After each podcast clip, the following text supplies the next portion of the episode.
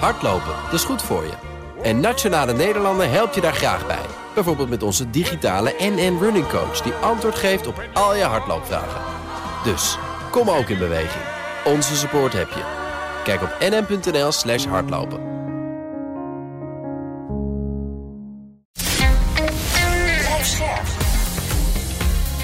BNR Nieuwsradio. De AEX-factor. Wesley Weerts, Jelle Maasbach. Inderdaad, de AX-factor. Goed dat je weer luistert. De podcast voor de slimme belegger. Elke week een nieuwe gast die je bijpraat over beurzen, beleggen en vermogen opbouwen. En bij ons is dit keer olie- en gasexpert Ronald de Zoete. Een tijdje geleden, Ronald. Goed dat je er bent. En uh, naast olie- en gasexpert een nieuwe titel voor op je cv, voor op je LinkedIn, wou ik zeggen. Want sinds kort uh, ben je ook schrijver. Ja, inderdaad. Uh, groene winst, hè, daar gaat het om. Groene winst voor de planeet. En als belegger willen we natuurlijk ook winst maken. Ik denk, nou, dat kunnen we wel mooi combineren. Ja, mooi. Groene winst inderdaad gaat over de energietransitie en de kansen en bedreigingen voor beleggers. Want wat zijn de energiebronnen van de toekomst? Welke bedrijven wedden op de juiste techniek? En waar kun jij het best je geld op inzetten? En wie dit jaar zijn geld had gezet op olie en gas was spekkoper. Want 2022 kende vooral verliezers. Maar ja, die sector, die deed het extreem goed. Ronald, nou staat 2023 voor de deur. Is het dan opnieuw met olie en gas, denk je? Ja, ik uh, denk het wel. Uh, de reden eigenlijk uh, daarvoor is dat we eigenlijk weinig hebben geïnvesteerd in olie- en gaswinningen in de afgelopen jaren. Dat is, daar is genoeg over geschreven. Er moet ongeveer duizend miljard de komende vijf jaar in die oliewinning erbij. Om te voorkomen zeg maar, dat we straks een gebrek hebben aan olie. Dus dat gaat de komende decennia niet weg. Hè, want we hebben natuurlijk olie nodig voor vervoer, voor farmacie. Voor chemische fabrieken. Uh, dus eigenlijk hebben we een hele grote vraag naar olie. En die gaat pas over, nou, ik denk toch op 8 tot 15 jaar pas weg. En al die olieaandelen, die gaan het goed doen. En waarom? Met name omdat die heel sterk zijn uh, met in de toekomst ook de ondergrondse CO2-opslag. En daarom, daar komen we misschien later nog op, daar mm -hmm. ben ik eigenlijk heel positief over. Aardgas aan de andere kant, dat is veel meer weergerelateerd. En Rusland natuurlijk, en de oorlog. Ja. En ja, bij jullie veel op BNR ook wetten gesproken over die oorlog. Vandaag ook weer met de verwachting dat die toch langer gaat duren dan gedacht. Ja, en dat betekent dan dat we ook eigenlijk voorlopig niet hoeven te rekenen op Russische aardgas. En de aardgasaandelen, of ze nou producent zijn, distributeur of het uh, LNG per schip vervoeren, ik denk dat die aandelen het goed gaan doen. Maar wij dachten ook aan het begin van die oorlog uh, dat uh, zeg maar de alternatieven, de groene energiebronnen, dat die nou ja, een prachtig jaar tegemoet zouden gaan, dat die ervan zouden profiteren. Maar wat zie je nou gebeuren? Die oliesector, recordwinst naar recordwinst, maar die groene energiebedrijven die profiteren eigenlijk nauwelijks van die torenhoge energieprijzen. Hoe komt dat? Nou, er zijn denk ik een paar redenen. Ik zal er even twee noemen. Met uh, als eerste zeg maar, neem bijvoorbeeld uh, de windmolenfabrikanten. Hè, die hebben te maken met de stijging van de grondstofprijzen. En ook nog eens het vervoer van al die molens hè, over de plas om zeg maar, het daar allemaal neer te zetten. Dus, hebben ook last van de inflatie. Die hebben heel veel last daarvan. En zeg maar, die bedrijven die uh, ja, opereren in die energietransitie, die hebben heel veel geld geleend. Hè, die geven dat meteen weer uit aan meer personeel, onderzoek, et cetera. Moeten al die financieringen weer tegen hogere rentes af gaan sluiten. Ja, en dat leidt dan uh, tot uh, hogere kosten. En daardoor dalen die aandelenkoersen. Dus uh, ja, je, je ziet de toekomst, maar ze worden nu afgestraft voor het feit dat die rente zo hard is gestegen. Zometeen dan gaan we er verder over praten. Dan hoor je ook wie de winnaars worden van de Groene Revolutie. Maar eerst gaan we naar het beursnieuws dat je afgelopen week had moeten weten. Na lang steggelen is er eindelijk een Europees prijsplafond. Maar niet iedereen is daar even blij mee. Minister Rob Jetten kon gisteren in Brussel zijn verlies eigenlijk nog nauwelijks verkroppen. Hij stelde dat hij nog steeds bezorgd is over de potentiële verstoring van de Europese energiemarkt. En vooral inderdaad, je zei het al, de leveringszekerheid voor Europa. Mm -hmm. uh, die vrees leeft dus niet elders. Overigens, ja, Nederland stond niet helemaal alleen. Ook de Europese Commissie had grote bedenkingen bij het plafond. Na Gerrit Salm, Joop Wijn en Chris Vogelenzang is er nog een ex-topman als verdachte aangemerkt in het witwasonderzoek bij ABN AMRO. Het gaat om voormalig bestuursvoorzitter Kees van Dijkhuizen. Hij wordt toegevoegd en zeer waarschijnlijk wordt hij toegevoegd omdat het onderzoek is uitgebreid naar de periode dat ook Van Dijkhuizen bestuurder was. En tot nu toe was dat onderzoek beperkt tot de periode dat Gerrit Zalm bestuursvoorzitter was. Ja, je had misschien nog even moeten wachten met het kopen van een huis. Want na jaren van explosief stijgende huizenprijzen koelt de Nederlandse woningmarkt snel af. De huizenprijzen zijn in november voor een vierde maand op rij gedaald. En dat houdt nog wel even aan, denkt de Rabobank. We denken dat we zal zo over de komende paar jaar zo'n 7% daling uh, hebben. Uh, DNB die, uh, die, die is daar overigens mee eens. Dus dat is, het, ik was blij dat onze cijfers iets eerder uitkwamen dan, dan hun cijfers. Want in veel opzichten lijken we hetzelfde beeld te hebben. Die 7% heb ik er wel afgeluld hoor. Eindelijk is goed nieuws van Philips. Het afbrokkelend schuim in zijn slaapapneuapparaten is geen gevaar voor de gezondheid, zegt het bedrijf zelf. Het is inderdaad wel in opdracht van Philips. En we hebben ook gezien dat Philips eerder al wat te uitbundig uh, is geweest in het valt allemaal erg mee. Daar zijn ze ook over op de vingers getikt. En de toezichthouder FDA, de Amerikaanse waakhond, die moet zelf natuurlijk nog een oordeel vellen. Dus die is, die is zelf nog bezig met een onderzoek. En dat, ik denk wel dat de buitenwereld veel meer waarde hecht uiteindelijk aan dat onderzoek dan aan dit Philips-onderzoek. Het zou een mooi kerstcadeautje zijn. Klaas Knot, president van de Nederlandse Bank, roept werkgevers op om de lonen te verhogen. Dan kom je uit bij een loonsverhoging die gelijk is aan de binnenlands gecreëerde inflatie plus de arbeidsproductiviteit. En dan kom je dus uit op die 5 à 7 procent. Is het gewoon een rekensom waarom je op die 5 tot 7 procent? Ja. En het was de week waarin Elon Musk aankondigde op te stappen als topman van Twitter. Maar dan moet uh, nog wel eerst een nieuwe opvolger gevonden worden. Elon Musk has said he will resign as Twitter's chief executive once he found what he described as somebody foolish enough to take the job. Who might that be? Musk die kwam met zijn vertrek naar aanleiding van een poll op datzelfde Twitter. Vroeg hij of hij moest doorgaan of opstappen. Een ruime meerderheid koos voor opstappen. Dan heeft hij gelijk meer tijd voor Tesla. Zijn andere kindje. Is dat goed nieuws, denk jij, Ronald? Ja, ik denk wel dat het goed nieuws is. Die, die koers die gaat omlaag. Ik denk dat is een eh, soortje vertrouwensbreuk nu tussen zeg maar, de belegger en, en Musk. hij is overal mee bezig. En eigenlijk waar hij nu echt uh, zijn aandacht, denk ik, aan moet richten, is Tesla. Want het, het chiptekort is eigenlijk voorbij. Hè? je hoort er niet zoveel van. Maar de Europese autoproducenten die kunnen steeds beter weer auto's en hun volumes gaan opschalen. En één ding vergeten we soms wel eens, maar de, de Europese markt is heel groot, de Europese automarkt. En de klant die wil graag uh, door een dealer bediend worden. En Tesla heeft dat eigenlijk niet. Hè. Ja, kun je op een grote terrein kun je je auto ophalen, zeg maar. maar je krijgt niet het gevoel en de aandacht wat je krijgt zeg maar, bij het kopen van de auto. De consument vindt dat gewoon prettig. En er zijn hele grote zakken al geld klaar. Maar ja, die waren nooit eigenlijk geïnvesteerd door dat chiptekort. En we gaan nu zien dat die grote uh, ja, conglomeraten eigenlijk... dat die uh, succesvol gaan zijn. En daarom denk ik dat het heel handig is... dat Musk zich echt nu gaat uh, focussen op, op Tesla. En laat iemand anders gewoon Twitter leiden. Als ik jou zo hoor, Tesla heeft alle aandacht nodig. Wat wel pijnlijk was, elke keer zag je dat als die terug zou gaan naar Tesla, dat de koers van Tesla omhoog ging. Afgelopen week met ruim 10% gedaald. Dus misschien zeggen beleggers daar ook van, nou, hij hoeft niet meer uh, terug te komen. Ja, het is ook een combinatie van, misschien heb je dat ook gehoord hè, van het bericht dat uh, alle Tesla's die nu zeg maar nog een koper vinden dit jaar, die kunnen een korting krijgen op hun Tesla-auto, wat nooit zo was, hè, van 7500 dollar. Ja. Dus dat zette die koers natuurlijk ook nog eens omlaag, want iedereen denkt van ja, het gaat toch niet zo goed met die verkoopaantallen van Tesla, dus moet nog even opgeschroefd worden. Maar hij heeft natuurlijk wel laten zien uh, dat hij een bedrijf uh, kan leiden. En hij weet hele goede mensen aan zich te binden. Ja, maar hij moet wel zeg maar daar aandacht geven aan waar nu de aandelen behoefte aan heeft. Nou, de bitcoin, daar heeft hij zijn les geleerd. Twitter heeft hij denk ik zijn les geleerd. En nu is het gewoon tijd om uh, hard aan het werk te gaan. En ik denk dat het uh, merk Tesla gewoon nog staat als een huis. Maar er is nu wel een uh, duidelijke waarschuwing denk ik afgegeven door de belegger. Ja, wat heet dit jaar dik 60% vanaf. Volgens mij het meest verhandelde aandeel van de wereld, sowieso hier in Europa. Ga jij het nog durven kopen of zeg jij van het heeft zo'n deuk gekregen? Laat maar hangen. Nou, uh, ik heb een voorgaande analyse gedaan op uh, de batterijkosten van Tesla. Want waarom is de Tesla-auto eigenlijk populair? Enerzijds inderdaad doordat zij de chips wisten te verzekeren en de andere fabrikanten niet. Dat kwam door langlopende contracten en dat ze voorop lopen. Maar hun kosten van de batterijen ligt ook zo'n 20 tot 25 procent lager dan van de concurrent. En daarvan is uitgerekend dat binnen de komende vijf jaar mm -hmm. dat ze daar nog uh, marktleider kunnen zijn. Dus wat wil dat zeggen? Dus eigenlijk als ze hun prijs moeten verlagen, dan kunnen ze dat doen, hè, omdat ze die ruimte hebben op die batterij. Maar zoals gezegd die Europese industrie zit niet stil. Er zijn ook ontwikkelingen op batterijgebied. Ik denk dat Tesla voor de komende jaren echt wel een, uh, nog steeds een goed bedrijf is. Maar dan moet het ook goed geleid worden. en dat het ook fijn is te horen dat de meneer Musk nu ook zegt dat hij de komende twee jaar geen uh, aandelen meer gaat uh, verkopen. Ja, dat is ook wel fijn. ook wel. Ja, dan weet je dat, je dat je koers in ieder geval niet naar beneden wordt verkocht. Um, maar Musk mag wel blijven als ik jou zo hoor. Ja, hij mag eh, van mij wel blijven, want hij heeft uh, goede dingen opgezet. Alleen uh, ja, in de media krijg je natuurlijk uh, steeds meer te horen dat hij bezig is, alles doet en wat niet met Tesla te maken heeft. Ja. En ehm, ja, ik denk dat hij gewoon in moet gaan zien dat, dat een manager, en hij is natuurlijk de hoogste baas, dat hij zich op het bedrijf moet richten en niet allemaal speeltjes moet creëren en vervolgens daar al zijn tijd gaat verspillen in mijn optiek. Dus ja, ik denk dat Musk het wel weer waar gaat maken. En ik denk ook dat hij gezien het verdampen van de koers ook weinig uh, keuze heeft. Want hij heeft natuurlijk wel geld nodig om al zijn plannen tot uitvoer te brengen. Die niet mag blijven, slecht bruggetje, maar dat is een aantal van de mensen die daar werkt. Het bedrijf zou uh, mensen gaan ontslaan, is het bericht dat op een grote tech-website stond. Is dat wel zo handig in deze tijd? Om, om die werknemers waar toch om gevochten wordt, om die te ontslaan?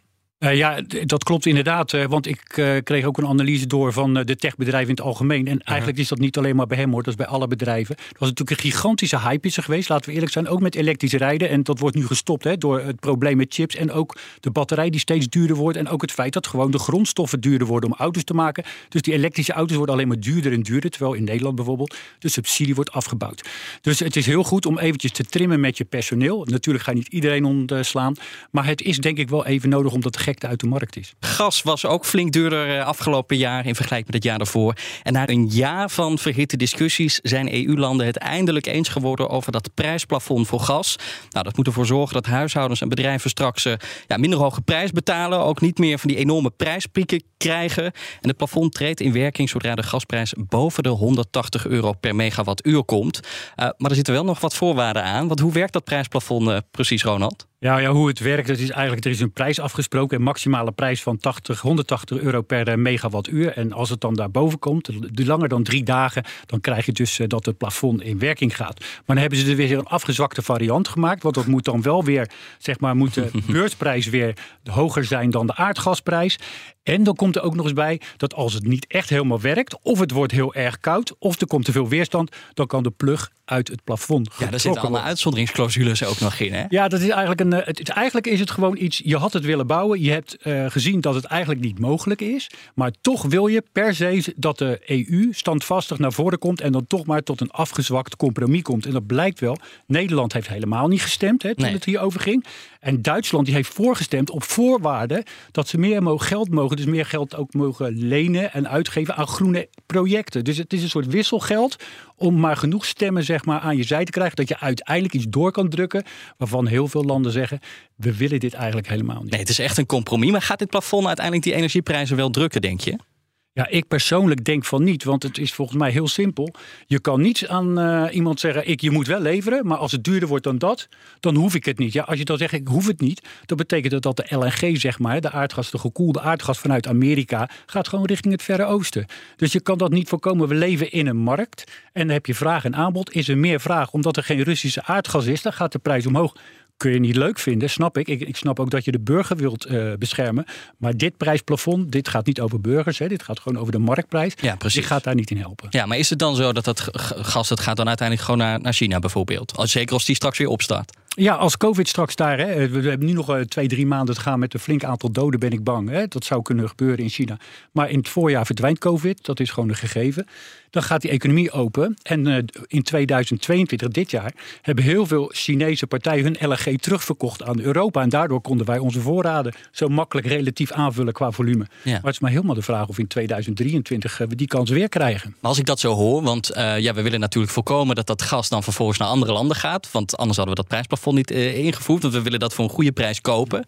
Maar denk je dat dat uh, prijsplafond dan überhaupt wel wordt geactiveerd? Of denk je dat dat door die uitzonderingsclausules dan eigenlijk nooit wordt ingegrepen op die, op die gasmarkt? Nou, het zou wel kunnen worden geactiveerd als die richting die 180 gaat. En dat blijft ook een tijdje gebeuren. Ik zie dat eigenlijk wel gebeuren op het moment dat we zeg maar midden volgend jaar zeg maar, die aardgasvoorraden weer moeten gaan aanvullen hier. Ja, dat is dan in de zomer. In de zomer. En dan zie ik het wel gebeuren dat geactiveerd kan worden. En dan is maar de vraag hoeveel partijen er in de wereld zeg maar winst willen maken en hun partijen willen terugverkopen aan uh, Europa. En dat hangt ook een beetje af van uh, de staat van de economie. Ja, hij zei net al, het is een slecht compromis. Maar hoe groot is de kans dat het Europese plafond alsnog in de prullenbak belandt. Want er zijn ook nog toezichthouders die nu geloof ik allemaal rapporten op moeten stellen om te kijken. Ja, die hebben al kritiek geuit, maar die moeten dat zeg maar nu nog uh, officieel maken. Dat zal allemaal tussen uh, nu en uh, de komende week gaan gebeuren. En waarschijnlijk komt daar toch weer een compromis uit. Ik kan me bijna niet voorstellen dat we dit weer gaan afstempelen. Terug naar de energieaandelen. Is it time to join the mob that's circling back to the oil and gas group?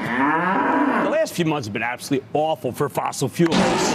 Oil peaked at $130 in March. Remember people saying 150, 150? Uh-uh. Before plummeting to the high 70s late last month. Ja, dat Jim Cramer van CNBC. Ik klink een beetje verkouden, maar deze man die klinkt gewoon altijd beroerd. Het is niet te volgen. Maar hij heeft het dus over die olieprijzen. Die stonden begin dit jaar zo rond de 130 dollar per vat voor een, uh, voor een Brent. Nu minder dan 80 dollar. Hoe kan dat? Want dat is echt een fors verschil. Ja, daar zijn ook zeg maar, meer uh, redenen voor. Laten we de belangrijkste nemen. China als koop. Hè. Covid uh, heeft natuurlijk heel lang de huis gehouden. Dus ja. uh, er wordt er ook minder olie geconsumeerd daar. Dat is één. Ten tweede zijn er heel veel longposities ingenomen vlak voor het moment dat de boycott kwam op 5 december op Russische olie. Nou, daar hebben oliehandelaren heel veel positie ingenomen, maar de prijzen wilden maar niet stijgen. Dus die moesten liquideren. Dus daarom ging die heel snel hard omlaag. Dus het korte termijn plaatje ziet er gewoon even zwak uit voor olie. En terug naar 130 dollar, is dat op korte termijn denkbaar? Ja, korte termijn laten we het hebben over 2023. Ja, er zijn ja. wat banken die zeggen van nou, wij verwachten zo'n 80, 90 dollar. En er zijn banken die denken 120. En waar ligt dat nou aan? Eigenlijk in hoofdzaak aan het opengaan van de economie. Ja. Gaat Rusland zeg maar met dat olieprijsplafond, hè, want er zit ook een prijsplafond op, gaat die zeg maar nog steeds evenveel kunnen produceren? Of komen ze in logistieke problemen? En dan moet je je voorstellen dat er steeds andere type schepen nodig zijn om al die ladingen op te halen. En dat zijn, vroeger waren dat grote schepen, heel simpel. Rusland, Europa, Rusland, Europa. Maar dat is niet meer zo. Die gaan van Rusland voorbij Europa. Hè. Dan gaan ze naar China of naar Ja. India. En dat zijn hele lange routes. En daardoor heb je dus de kans dat die olieterminals ter plekke in Rusland overlopen. Ja, en als je geen boot hebt, ja, dan kun je nog maar één ding. Dat is je productie stoppen. Want anders lopen die olietanks over. Daar heb je niks aan. En dat, dan letterlijk echt dat ze tot de rand toe gevuld tot de zijn? rand toe gaan vol. Want het zijn inderdaad daken die, hè, die, gaan, die gaan bewegen heen en meer met eh, de olievoorraad. Ja, en als, je- dat, als je een luchtfoto maakt van Europort, hè, dat deden ze vroeger, de handelaren, de slimmerikken. En dan zag je hoe hoog die, eh, ja, die, die floating roofs eh, zaten. En waren zo hoog, wist je dat er veel olie zat in de tanks. En ik moest heel ver naar beneden kijken en dan lag er heel weinig in. Wist je heel je slim. betalen, ja? Dus dat is inderdaad letterlijk zo. Ja, dat lijkt me wel een apart gezicht als de olie over de straat eh, loopt. Ze zeggen wel eens als het bloed over de straat loopt, dan moet je aandelen kopen. Maar dit is dan... eh, Ja, nou ja, als de olie door de straat Wat ging, zou ik ook eventjes een pannetje pakken en dan leg ik even weg. Maar je, hebt het, je hebt het een paar keer gehad over de heropening van de Chinese economie. En sommige analisten die denken op korte termijn, dus volgend jaar na die 130 dollar per watt, dat moet wel lukken vanwege die heropening van de Chinese economie. Het rentebeleid, dus het is dus wel mogelijk. Ja, ja en, en eh, onderschat ook niet OPEC. Hè, want wat er gebeurd is, is dat eh, de laatste zes maanden heeft Biden, omdat hij herkozen wilde worden, heeft hij 180 miljoen vaten uit de strategische reserve de markt opgegooid. Ja. En daar is- ook, ook die markt eh, gaan dalen, die olieprijs. Maar hij moet dit terug gaan kopen. Hij heeft het ongeveer 200 miljoen heeft hij nu verkocht uit de reserve. Het laagste niveau sinds 1984. En hij gaat nu, let wel, 3 miljoen vaten hè, van de 200 gaat hij in februari terugkomen. Nou, dat gaat spannend worden. Hè, dat is één bootje. Maar hij moet er dus 200, dus zeg maar gewoon 100 grote, echte grote olieboten gaan kopen. Extra in 2023. Dus ik denk dat dat zeker die prijs eh, opwaarts doet bewegen. En OPEC, die heeft nu geen eh, concurrentie meer. Kijk. OPEC was altijd bang van als wij nu zeg maar die olieproductie gaan beperken, gaat iemand ergens nog wat olie uit de olievoorraad verkopen. Maar wereldwijd is gewoon de olievoorraad laag. Dus OPEC kan nu letterlijk met heel zachtjes draaien, heel zachtjes, kan die alle enorme prijsschommeling eh, tot stand brengen. Maar dit vind ik grappig, Ronald, want jij zegt eh, Joe Biden heeft heel veel olie verkocht uit die noodvoorraad. En Joe Biden gaat dus volgend jaar moeten terugkopen. Hij is dus afhankelijk, waardoor hij dus die olieprijs omhoog helpt. Ja, hij heeft zeg maar voor ongeveer 5,96 dollar per eh, vat heeft hij kunnen verkopen, hè, die Ja. 200 eh, miljoen vaten. Ja. En nu gaat hij terugkopen, hoopt hij op een lager niveau te kunnen. Hè, want dat is leuk voor de belastingbetaler. Ik, ik hoop het voor hem. Maar OPEC, die is ook niet achterlijk. Die hebben natuurlijk gezien, hè, die zijn eigenlijk een beetje gepest door Biden... doordat hij extra volume op die markt eh, gebracht heeft. En die gaan Biden niet de kans geven om op een heel laag niveau olie Nee. terug te kopen. Nee. Ik was zo blij met die 1,64 aan Ja, dat was lekker. Hoe lang blijven wij nog afhankelijk van olie en gas? Nou ja, ik denk eh, tot eh, 2050 sowieso. Hè. Dan is de vraag van wanneer gaat nou zeg maar eh, de markt eh, afnemen. Voorlopig tot 25 gaan we zeg maar met 5% stijgen qua vraag. Ja. En daarna hangt het ook echt wel af van hoe het elektrische rijden. Hoe succesvol gaat het nou worden? Kan het netwerk het allemaal aan? En hoe gaan andere delen van de wereld om? Hè? Want Europa en VS, daar geloof ik echt wel in dat daar grote stappen worden gezet. Maar denk aan China, denk aan India, denk aan Pakistan. Allemaal ar- armere landen. Die hebben die luxe allemaal niet zo. Dus het vervoer, en dat is toch 75% van olie, hè, gaat naar vervoer, eh, boten, lucht, wegvervoer. Ja, dat is echt heel veel. En het is eh, niet zomaar eventjes af te bouwen in korte termijn. Op welke manieren zouden we dat wel versneld kunnen doen?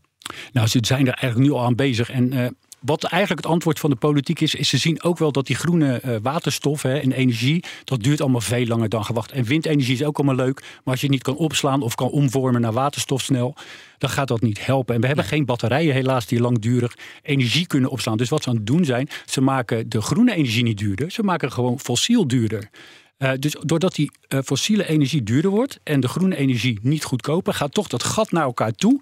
En uiteindelijk, ja, wij zijn ook eh, hè, gewoon Nederlanders. Als wij een auto moeten gaan straks kopen voor, nou, of met een batterij voor 10.000 euro. En we krijgen een mooie fossiele auto en daar moeten we 12 voor betalen. Ja, uiteindelijk gaan we toch kiezen. Ja. En kiezen we voor het goedkoopste. En helaas is het dan zo dat dat is gebeurd om door al die prijsstijgingen jaar na jaar maar consequent uit te voeren. Op een gegeven moment kom je op een moment dat groene energie echt goedkoper wordt. We kiezen dus uiteindelijk met onze portemonnee. Maar Ronald, je zei ook dat veel technieken eigenlijk nog helemaal niet te klaar voor zijn. Dus hoe gaan we eh, ervoor zorgen dat we die technieken toch sneller en eerder kunnen gebruiken? Ja, die technieken, laten we zeggen, je hebt een fuel cell techniek. Hè, dat is echt om, zo- efficiënt mogelijk, want waterstof maken is totaal inefficiënt, helaas. Maar het is helemaal zo, we hebben mee te dealen. Maar er zijn wel eh, grote doorbraken al de laatste tijd eh, gemaakt om het steeds efficiënter te maken. Dus dat is eigenlijk hopen dat met extra geld, zeg maar, de wetenschap in staat is die grote stappen te maken. Ben ik wel van overtuigd. Maar waterstof is echt bepalend voor die hele transitie. Voor de grote industrie, hè, waar je net naar refereerde, daar gaat inderdaad die grote eh, hoeveelheid waterstof. Die gaat niet naar onze gaspitje of naar onze auto. Dat is echt allemaal dat is leuk voor marketing, maar dat is het niet. Ja. De grote uitstoot ligt inderdaad bij de industrie. Die zijn daar verantwoordelijk voor. Dus het is heel logisch dat die groene, eh, groene waterstof heel snel daar terecht komt. Maar dan heb je het wel over 2030, 2035. En we leven nu pas in 2022. Hè. En als je dat, dat tijdlijntje nog eens even verder doortrekt, van die energietransitie richting 2050, hè, we hoeven niet per jaar te bespreken, maar wat, zijn, wat is zeg maar die transitie tot 2050? Wat zijn de stappen? Nou, de stappen zijn, ik denk als eerste moeten we gewoon eh, wel doorgaan met die windmolens bouwen. Want ik denk op eh, termijn komt er ook een eh, batterij die wel zeg maar langdurig die energie kan opslaan wanneer het heel hard waait of dat de zon goed schijnt. Hè, dus daarmee doorgaan. Ik denk ook eh, dat zonne, ja, de zonne-energie die gaat gigantisch groeien. Dan moet je met name denken aan het Midden-Oosten, eh, Afrika, eh, Australië. Daar kunnen gigantische parken komen. De, de verwachting is, en dat is niet mijn verwachting, een rapport eh, van de EIA. Dat is eh, dat het ongeveer 14 tot 15 keer meer zonnepanelen zullen staan in 2050 als nu. En er wordt ook al door allemaal eh, bureaus berekend dat uiteindelijk zonne-energie de goedkoopste vorm is om zeg maar straks ook die groene waterstof te kunnen maken. Ja. Dus daar gaat het echt wel naartoe. Dus het gaat eigenlijk via eh, energie maken, wind, zon, hè, op een hernieuwbare manier. En dat succesvol omzetten in groene waterstof. En dan met de hulp van batterijen. En ook de mogelijkheid om ondergrond CO2 op te slaan eh, binnen zeg maar 10 jaar. Kun je denk ik wel een brug slaan tussen de fossiele bronstof nu en de groene waterstof straks. En die oliereuzen, welke rol hebben die hierin? Hele grote. Er wordt natuurlijk eigenlijk vrij negatief gesproken over oil majors. Hè. Weer ABP moest weer zijn vandaag... vervuilers. Ja, zijn ABP viezerikken. trekt- ja, alle. Ja. En als ik dan de vraag stel, wie zou er dan geld hebben om waterstoffabrieken neer te zetten? Hoor je wat? Hmm. Wie heeft er verstand van waterstof? Wie maakt er eigenlijk op dit ogenblik al heel veel waterstof? Het zijn ook de oil majors. Wie hebben er verstand van grote projecten onder de grond met grote druk? Heb je namelijk nodig voor ondergrondse CO2-opslag. Wie heeft te veel op En zo ga je maar door. En dat zijn steeds die oil majors. Dus ik denk dat die oil majors een hele grote rol gaan spelen. Het enige probleem op dit ogenblik is dat die oil majors niet weten wat is dan die verkoopprijs van waterstof? Wat is de wetgeving? Hoe gaat dat straks over de grenzen heen? Het probleem nu is natuurlijk dat de VS een heel groot subsidie. eh, ja, heeft neergezet. Inflation Reduction Act hè, voor 369 miljard dollar. En dan kan iedereen groene waterstof heel goedkoop gaan maken. En in Europa lopen we achter. En dat is dus eigenlijk de strijd die nu bezig is. Dus waterstof gaat gebeuren. En ze willen eigenlijk alle grote oil majors... willen ze, ja, ga jij maar bij mij in Amerika investeren. Je krijgt ge- geheid je geld. Dit zijn de regels. Je kunt het uitrekenen. Begin maar. Maar dan gaan die eh, oliemaatschappijen gaan een, een voorsprong hebben op oliemaatschappijen die niet meedoen aan dat potje. Ja, en eh, als je het heel bot stelt, dan de Europese oliebedrijven, die willen daar graag in. En Amerikaanse oliebedrijven, daarvan zijn er flink van aantal zeggen, joh, dat is nog zo ver weg. Ik ga op korte termijn, hè, Amerikaanse bedrijven zijn toch iets meer korte termijn. Mhm. Zeggen, ik ga eerst de komende 15 jaar, wanneer olie echt tekort komt, ga ik dat vol uitnutten. Ga ik heel veel geld verdienen. En tegen die tijd, dan zijn er nog genoeg bedrijven, groene bedrijven, waar wij aandelen in kunnen kopen, posities in kunnen verwerven, over kunnen nemen. En dan gaan wij mee. Maar, Maar toch gaat het niet snel genoeg, want ABP trekt bijvoorbeeld zijn handen af van eh, die fossiele bedrijven. Omdat ze zeggen, ja, hè, we, we, hebben, we, praten eh, al, al, al, al jaren de, blaren op de tong met die eh, bedrijven. Maar ja, te vergeefs, er gebeurt te weinig. Ja, maar dat is. ik ben het ermee eens dat je, dat je zou willen zien dat ze inderdaad veel meer zouden doen. Maar ik heb het net al aangegeven, ligt ook een stuk aan de regelgeving en de onzekerheid over de verkoopprijzen. Aan de andere kant, als je nou elke keer tegen iemand zegt, ja, jij gaat niet snel genoeg. Zou je dan misschien ook niet de hand uit kunnen steken en zeggen, nou, we zijn nu na een paar jaar zijn we tot de conclusie gekomen dat, dat zeg maar, het tegenover elkaar zitten niet veel oplevert. Zijn er nou ook gebieden waar we elkaar kunnen vinden? Ja, maar je zou ook kunnen zeggen van ja, we waarschuwen al een paar jaar. Eh, als we blijven waarschuwen, we verliezen onze geloofwaardigheid. Dus moeten we tot actie overgaan. Dus trekken we ons geld eruit. Nou, dat, kijk, als iedereen zijn geld eruit terugtrekt, ben ik het helemaal met je eens. Hè? Dan gaan die eh, aandelenkoersen gaan hard omlaag en dan dwing je ze. Maar het andere kant van het perspectief is, en dat is ook politiek, dat iedereen weet dat het vervoer, zeg maar, tot 2040 over het land, zee en in de lucht gewoon gaat gebeuren met producten die door raffinaderijen worden gemaakt en daar heb je olie voor nodig. En dat is de keiharde werkelijkheid. We hebben gewoon nog olie nodig. Dus het heeft geen zin zeg maar om olie helemaal zwart te maken, letterlijk, hè, en dan te denken dat je daardoor sneller naar waterstof gaat. Je moet het echt samen doen. Maar de Amerikanen zijn dus goed bezig. Wat moeten de Europese politici doen? Als jij even een oproep mag doen eh, aan, aan Brussel. Als ik dat eh, zou mogen doen, dan zou ik zeggen: het gaat me nog niet eens om de hoogte van de bedragen, maar creëer duidelijkheid. Als je wil beslissen om 10 miljard te investeren in een waterstoffabriek, dan wil je weten wat is mijn, eh, mijn terugverdientijd. Hè? En is dat 5 jaar, 10 jaar, 15 jaar? Als je die som kan maken, hè, dan weet je ook als dat niet klopt, nou dan moeten we dus wat meer geld waarschijnlijk in, eh, in dat systeem zetten. Maar de onduidelijkheid die zorgt er nu voor dat een Biden dus bijvoorbeeld het wel heel concreet maken en, en het wel heel succesvol kan gaan ontwikkelen. Dus terugkomend op je vraag, duidelijkheid en dan ook echt gewoon in euro's bij ons. Geef ze een calculatiemodel, geef ze zekerheid met de minimale verkoopprijs van waterstof wanneer ze gaan produceren. Geef ze ook duidelijkheid dat er bepaalde belastingen zijn of juist vrijstellingen van belastingen komen. En dan kun je ook een goed project neerzetten door de rekentafel. En, dan kan het natuurlijk een eh, financiële eh, goedkeuring krijgen. Maar dan moeten ze nu wel echt aan de slag. Want ja, Amerikanen zijn heel daadkrachtig hè, als ze willen. En het gaat wel om macht, want waterstof moet de olie gaan vervangen. En de, de echte reden daarachter zit, als je geen olie meer in dollars af kan rekenen, dan is de VS eigenlijk overgeleverd aan de gewone valutamarkt. Nu weten ze elke dag worden er honderden miljoenen afgerekend in dollars. En nu gaan ze ervoor zorgen dat de waterstof die ze gewoon te veel hebben straks in 2030, 40, 50 ook in dollars afgerekend gaat worden. Jij zegt dus eh, aan de bak. Zijn er eh, bedrijven hier in Europa, beursgenoteerde bedrijven, die wel al lekker bezig zijn, waar Brussel wel wat van kan leren? Ja, er zijn talloze bedrijven. En Shell is ook daar eh, onderdeel van. Een Uh-huh. Air Products. Ik bedoel, ik kan er zo 10, 20 noemen. Ja, Shell is Dus- misschien nog wel de minst slechte van de slechte tussen aanhalingstekens. Misschien, of, of niet. Nou ja, we hebben BP, we hebben Equinor, eh, Total Energies. Het zijn allemaal bedrijven die doen echt allemaal wel al mee. En willen we dat eh, inderdaad versnellen, zorg gewoon dat ze duidelijkheid hebben. Want dat geld, dat ligt er. Hè. Er liggen echt elke kwartaal komen er zoveel miljarden binnen. Zonder dat dat blijft liggen in die bedrijven. Dat zou nu al richting die energietransitie kunnen gaan. Mits ze zekerheid hebben dat ze er ook wat aan kunnen verdienen. Zijn dit ook de aandelen in de energiesector die, die dan gunstig zijn? Met blik op de toekomst? Ehm, Als we het over een Shell hebben, over een BP in Total Energies. maar heb je het alleen over olie en gas of zeg maar ook over batterijen en ondergrondse CO2-opslag? Ook breder, ja, ook breder. Nou, ik denk gewoon dat het voor de, zeg maar, als we kijken naar de komende jaren en ik zou moeten beleggen, eh, dan zeg ik beleg in olie en in gas. Als je geen eh, groen hart hebt, zeg maar helemaal 100%, dan denk ik daar zijn wel echt de grootste rendementen op te halen. Wat ik al uitgelegd heb, te weinig geïnvesteerd. En Rusland is gewoon een feit, daar krijg je geen aardgas van voor de komende vijf jaar, dus dat blijven hoge prijzen. Kijken we meer naar duurzaam, dan zou ik me concentreren op die bedrijven die sterk zijn in CO2-opslag. ondergronds in bedrijven, batterijen, langdurige opslag. En ik zou ook kijken naar scheepvaartbedrijven. Uh, en want al dat waterstof moet straks vervoerd worden. Dan wel in de vorm van waterstof of in ammonia. Maar dat zijn allemaal bedrijven die zijn nu al in de scheepvaart actief. Hè. Dat zijn geen andere bedrijven. En die gaan straks ook echt heel veel extra schepen bouwen. Ronald, ik wil uh, naam en rugnummers. Ik heb er al een paar gehoord. Die oliebedrijven zijn duidelijk. Maar wat zijn nou echt die, dan die, die duurzame bedrijven waar je naar moet kijken de komende jaren? Nou, je hebt bijvoorbeeld zo'n uh, Aker. Dat is dan zo'n bedrijf wat in CO2-opslag heel sterk is. Daar zou ik dan wel wat in investeren. Equinor heeft met Northern Lights hebben ze een heel groot Scandinavisch project. Ook met die ondergrondse CO2-opslag. Zou ik ook in investeren. Omdat ik denk dat dat eerder haalbaar is dan die batterij. Want daar zijn we echt nog, nog zes, zeven jaar zeker mee bezig. Ja, en die CO2-opslag, hoe snel kan dat? Uh, dat is al zeg maar het Portos-project. Dat zou eigenlijk in 2026, gaat een jaartje vertragen, maar gaat komt. Hè, de staat, de staat heeft zich garant gesteld, hebben ze gezegd. Uh, maar we kunnen niet zeg maar, met wind uh, en zon nu in één keer denk ik naar groene uh, waterstof. We zullen naar grijze waterstof gaan eerst. Dus dat is uit aardgas ga je dan waterstof maken. Het enige vervelende is dan dat je CO2-uitstoot hebt. Maar die CO2 kan ter plekke opgeslagen worden, bijvoorbeeld in Nederland, in lege gasvelden. Nou, die zijn er meer over de Duitsers. In Duitsland ook heel veel van dat soort lege aardgasvelden. Dat gaat allemaal benut worden, want die industrie krijgt straks de keus.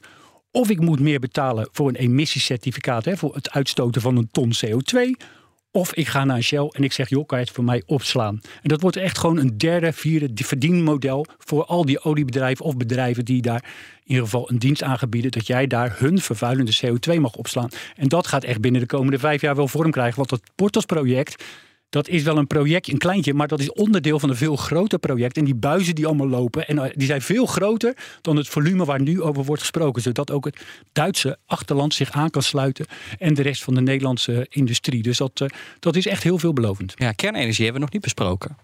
Nee, dat klopt. Wat wil je ervan weten? Nou ja, kijk, we hadden het net over de rol van de politiek. En dat je eigenlijk ook als belegger uh, overgeleverd bent aan de grillen van de politiek. En als het bijvoorbeeld gaat om kernenergie, is dat heel duidelijk. Want het ene moment, nou, is er een taboe op kernenergie. Dan is het toch weer voorzichtig bespreekbaar. En dan zijn er wat meer enthousiastelingen. Dus ja, hoe bepaal je nou als belegger de richting? Want de politiek is wel heel leidend hierin. Ja, nou, dus het is vervelend ook is natuurlijk dat je te maken hebt met emotie. Hè. Duitsland was tegen, Japan was tegen en nu opeens iedereen voor. Nou, dat komt heel simpel. Windmolens produceren niet als niet waait. Heel simpel heb je aardgas nodig of kernenergie. Dat zijn de enige twee uh, motoren die 24-7 kunnen leveren. Nou, wat is er nou met kernenergie aan de hand? Dat is allemaal lastig. Heb je lang actief radioactief afval, dat wil je niet. Nou, er zijn nieuwe technologieën, dat noemen ze de derde en de vierde generatie kernenergiecentrales. Eén hele bekende daarvan is thorium. Dat heb je vaker eh, wel gehoord. Hè. Dat heeft, uh, ja, het is makkelijk voorradig. Heeft ook niet al die problemen van die langdurige uh, nucleaire straling.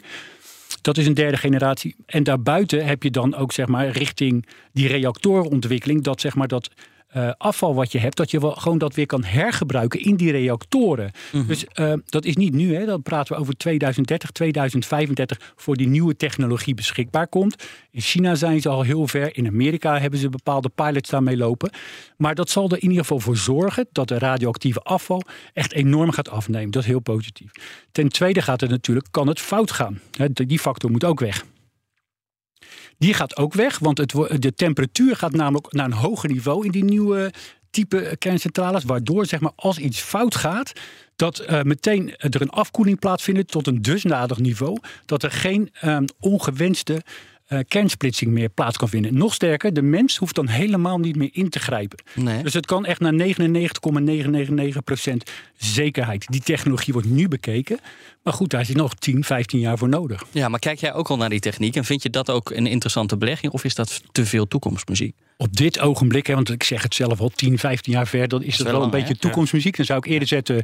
Kijk, uranium gaat gewoon hard nodig zijn, want we moeten gewoon meer kerncentrales. Dus dat zou ik eerder daarin beleggen. Ja, dus in de grondstof. In de grondstof. Thorium zou ik dan inderdaad naar kijken. En je hebt natuurlijk ook gewoon wat aandelen, wat bedrijven die gewoon die kerncentrales bouwen. Daar kan je natuurlijk dan ook in beleggen. Ja, maar, maar verdien je daar nu al iets aan dan? Nou, dat is een, een, eh, een dobbelsteen bijna. Want als ik kijk naar de uraniumprijzen, die gaan ook als een yo-yo. Dat is ook heel. Ja, mensen, zien het, mensen zien het potentieel van uh, kernenergie en springen dan in, net zoals uh, met waterstof. Hè. Maar het is inderdaad niet van meteen vandaag. Dus daar heb je helemaal gelijk in. Je moet het gewoon. Ik zou die aandelen moet je gewoon kopen, gewoon wegleggen en over drie, vijf jaar weer kijken. Maar niet uh, kernfusie, dat is echt 2060, 2070. Wat ik je vertel, die derde, vierde generatie geeft het gewoon nog 15 jaar. Voorlopig uh, zou ik me beperken tot uranium en de fabrieken die gebouwd worden door die bedrijven daarin te gaan beleggen. Duidelijk. Dus samenvattend, olie en gas blijft belangrijk de komende jaren. Daar kun je in ieder geval, hè, als, dat, als je dat moreel ook zou willen, in beleggen. waterstof, belangrijk. Zeker, Kernenergie voor de wat langere termijn. Zijn we er één vergeten? Uh, nou, en ik zou batterijen, hè, dat wil ik toch ook de nadruk in leggen van ja, dat wordt echt een belangrijk. En als het dan ook goedkoper wordt, ja, dan zien we gewoon ook op een gegeven moment die technologie komen dat het steeds langer kan worden opgeslagen. En dan kunnen we op die dagen dat het hard waait en eh, veel zon is, kunnen al die energie die dan heel goedkoop is, kunnen we opslaan op andere momenten, kunnen we die dan gebruiken. Dus daar zit echt heel veel potentie. Dankjewel, olie- en gasexpert eh, Ronald de Zoete. En stel dat mensen nu nog last minute een kerstcadeautje willen kopen, een boek. Welk boek zou jij dan aanraden? Ja, dat is natuurlijk groene winst. Hè?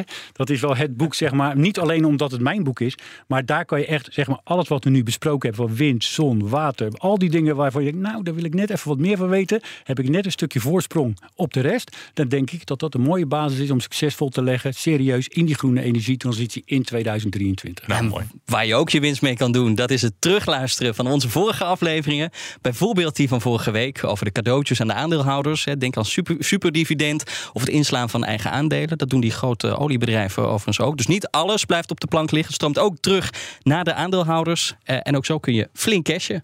Nou, heel mooi. Tot volgende week. Hardlopen, dat is goed voor je. En Nationale Nederlanden helpt je daar graag bij. Bijvoorbeeld met onze digitale NN Running Coach... die antwoord geeft op al je hardloopvragen. Dus, kom ook in beweging. Onze support heb je. Kijk op nn.nl slash hardlopen.